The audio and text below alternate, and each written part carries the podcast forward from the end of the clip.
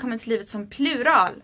Jag som driver den här podden heter Joy och jag lever med diagnosen dissociativ identitetsstörning. Eller DID, eller DID som förkortning. I dagens avsnitt tänkte vi prata om den där stora klumpiga elefanten i rummet. För er som inte vet vad elefanten i rummet är så är det ett bildligt uttryck för något som är påtagligt för alla människor i en grupp men som man undviker att prata om. Orsaken till att man håller tyst om elefanten kan vara att den, det skulle vara genant eller förorsaka besvärliga diskussioner eller att ämnet är tabu. Men vem vill egentligen vara den där stackars elefanten? Troligtvis ingen. Men vi råkar ofta vara den där elefanten. Den som alla undviker för att vi är psykiskt sjuka. Att vara psykiskt sjuk är ju typ tabu i samhället. Som vuxna människor har vi omgett oss med folk som älskar oss för den vi är. Vi har två bästa kompisar och en handfull fantastiska vänner och en underbart stöttande familj. De känner oss väl. De vet om att vi har dissociativ identitetsstörning och de tycker om oss ändå. Det är viktigt att ha dem i livet. De har bokstavligen räddat livet på oss många gånger. Det kan inte varit lätt för dem, eller fortfarande inte är lätt för dem. Och varför de envist klänger sig fast för att vi ska leva har vi ofta svårt att förstå. Men något rätt gör vi ju tydligen. Vi älskar dem i alla fall. Alla känner sig nog någon gång som elefanten i rummet. Det har vi gjort sedan sexårsåldern. Mobbning är nog nummer ett på listan för att få någon att känna sig oanpassningsbar. Vi har alltid känt det som att vi inte passar in och som att vi, allt vi säger och gör är fel. För varje gång vi sa någonting i skolan så rullade andra med ögonen, suckade högljutt eller skrattade åt oss. Till slut blir man inget, intet eller noll. Vi vill lägga en stund på ämnet mobbning. För mobbning är en oerhört destruktiv kraft som förstör så många barn och vuxnas liv. När ska mobbning tas på allvar? När ska vi lägga resurser på att stoppa mobbning? Mobbning är ett folkhälsoproblem likställt med övergrepp och misshandel i vår mening. En person som blivit svårt stukad som barn, antingen via mobbning, övergrepp av olika slag eller misshandel, blir en trasig vuxen. Hen blir en vuxen som troligtvis skulle, i alla fall för ett tag, vara en belastning för samhället.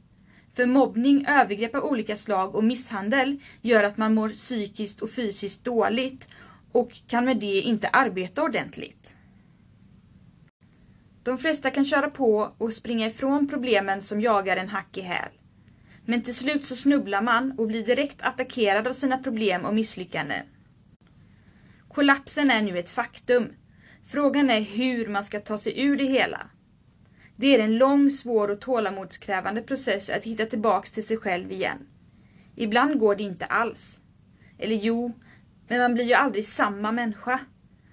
Man blir lite som på nyfödd. Det är därför vi vill tatuera in en fågel Fenix någonstans. Fast vi vet inte riktigt var. En Fenix är ett sagoväsen. En fantastisk stor och vacker röd och guldfärgad fågel. Den dör aldrig. När den blir gammal brinner den upp och ur askan föds den på nytt. En ganska bra metafor för hur vårt liv ser ut. Så många gånger vi snubblat och nästan dött, men ändå lyckats kämpa vidare på något sätt. Tillbaks till den där elefanten i rummet. Varför lägger folk så mycket tid på att ignorera och undvika elefanten i rummet? Varför är man rädd för det okända?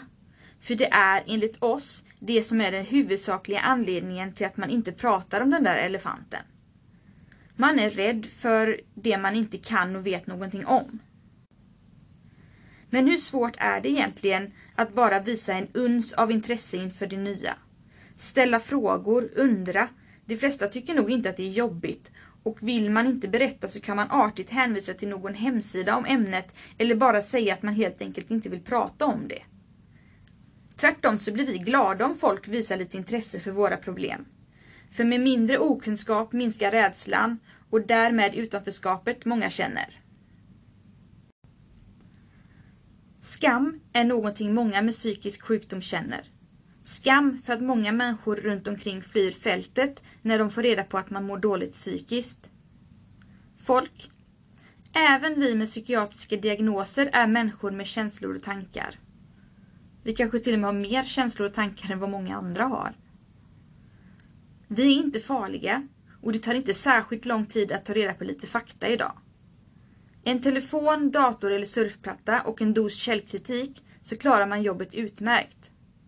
Tänk på att försöka hitta den senaste faktan, då mycket på nätet kan vara gammalt och inte riktigt gälla efter dagens forskning. Som sagt, vi har några fantastiska vänner som finns där för oss. Vi har valt att vara öppna med våran diagnos. Vi ska minsann inte behöva skämmas för den vi är. Vi valde att vara öppna och tänkte att vi får ta det onda med det goda. Vi visste att vissa i vår närhet skulle vända oss ryggen. Men vi tog beslutet att om en person i fråga inte vill ta oss för den vi är, hela oss, alla oss, så kunde det lika väl kvitta. Och de vännerna vi har kvar är alla guld värda. Riktiga vänner som man kan vara sig själv med. Vänner där man kan ge och ta och finnas där för varandra både i vått och torrt. Ingen med en sjukdom ska behöva skämmas för sin diagnos eller sina problem. Samhället har kommit så pass långt att normala somatiska diagnoser är okej att ha. Så var det inte för mindre än ett sekel sedan. Det är någonting man kan förstå och ta på. Men att ha en psykisk sjukdom likställs med att man är kriminell eller något. Låt oss berätta en hemlighet för er. De allra flesta med psykiatriska diagnoser är inte mer farliga än gemene man. Det är klart att det finns rötägg i alla sammanhang.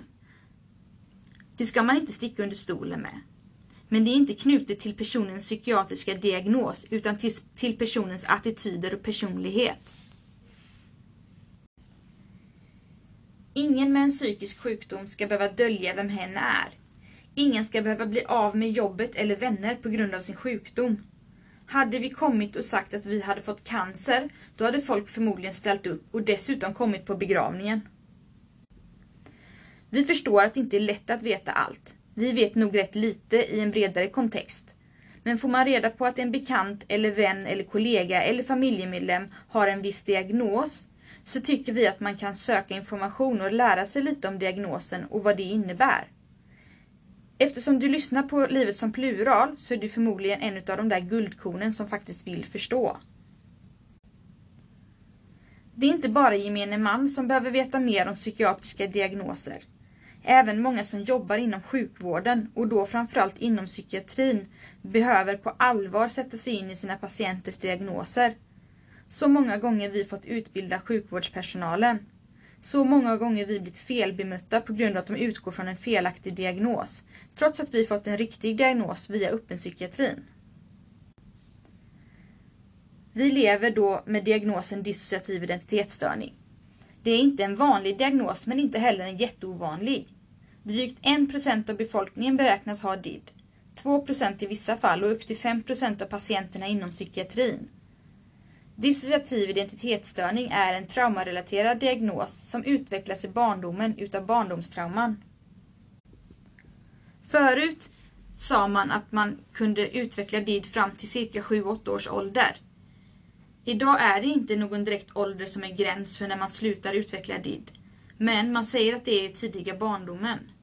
Det tar vi som innan tonåren och puberteten.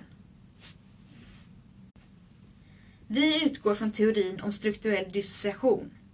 Det innebär att man utgår från att barnet föds splittrad och med trygghet, tid och rätt erfarenheter länkar man samman sina delar till en helhet. Vid trauman i barndomen klarar inte barnet av att integrera sina delar och förblir då splittrad. Istället för att alla trauman stannar i en del så sprids det ut mellan de olika delarna. De olika delarna får olika uppdrag och funktioner. Den andra teorin går ut på att man föds som en helhet och sedan splittras när man utsätts för trauman. I den här teorin utgår man från att en av alla delarna är ursprungsdelen och de andra är splittringar. Men vi undrar hur tanken är att man ska kunna identifiera vilken del som är ursprunget. För om du har en glasskål och tappar den och det blir skärvor, hur ska man kunna bestämma vilken utav alla skärvor som är ursprunget? Det går inte, eller hur? I strukturell dissociation är det istället så att vi föds med olika skärvor som sedan med ett tryggt omhändertagande och erfarenheter efterhand växer samman till en skål. När alla bitarna är integrerade, alltså ihopklistrade, kan det ske en fusion, alltså bitarna smälter samman och barnet blir en hel människa där alla känslor tillhör hen. Huvudanledningen till att vi utgår från strukturell dissociation är för att det känns mer logiskt för oss och för att vi känner att vi inte har någon ursprungsdel. Det vore orättvist att bara välja någon del till ursprung när vi inte känner att det finns en. Båda teorierna förklarar ju självklart dissociation, men som sagt, det är två helt skilda sätt att se på hur dissociation uppstår. Vi kan till exempel bli oerhört stötta och frustrerade när vi möts med var är den riktiga Joy? Eller Vi pratar bara med Joy. A.k.a. de vägrar interagera med andra delpersonligheter, vilket ju blir ett problem om Joy inte är den som frontar för tillfället. Fast oftast så märker inte folk att det inte är Joy som frontar. Det skulle framförallt vara om någon av de yngsta är framme, men även då så kan det döljas rätt effektivt. I sjukvården möter vi ofta att de inte pratar med någon annan än Joy. Det beror på att de behandlar vårt system som om vi vore psykotiska, vilket vi inte är. Inget fel på er som är psykotiska, men vi är inte det och då vill vi inte heller bli behandlade som om vi vore detta. Likaså har vi jätteofta blivit behandlade som APES-patienter, alltså emotionellt instabil personlighetssyndrom.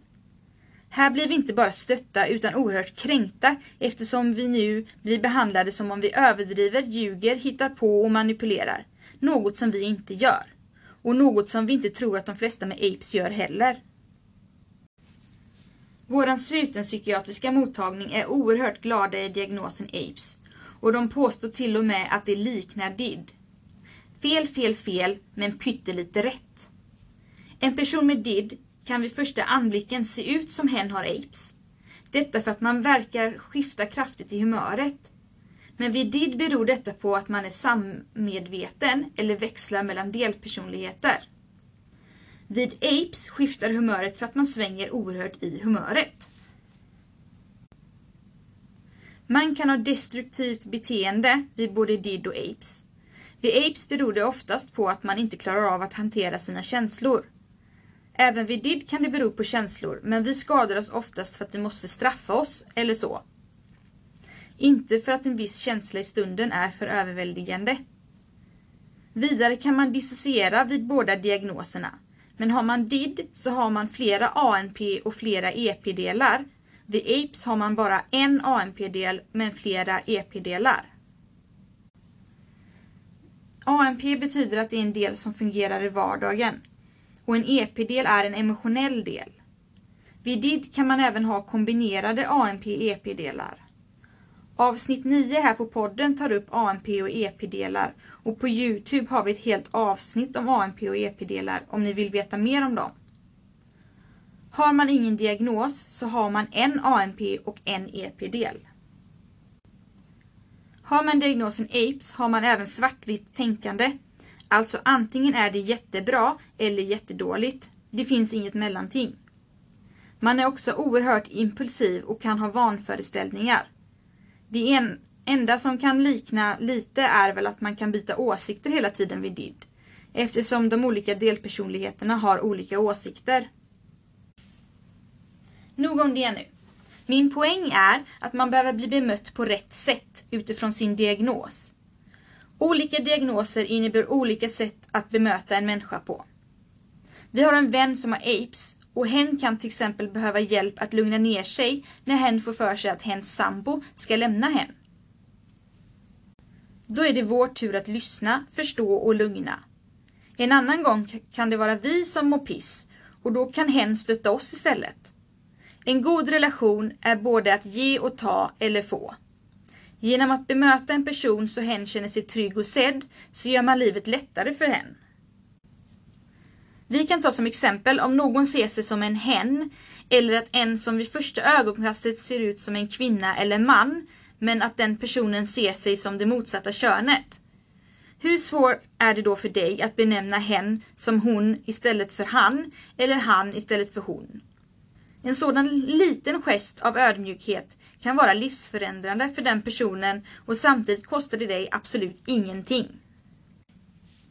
Vi vill till exempel ibland bli kallade just vi eftersom vi är flera som frontar eller är sammedvetna just då.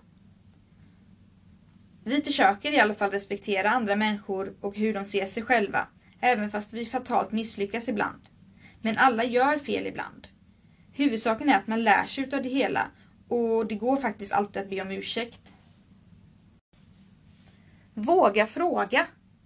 Det är vårt viktigaste budskap i det här avsnittet.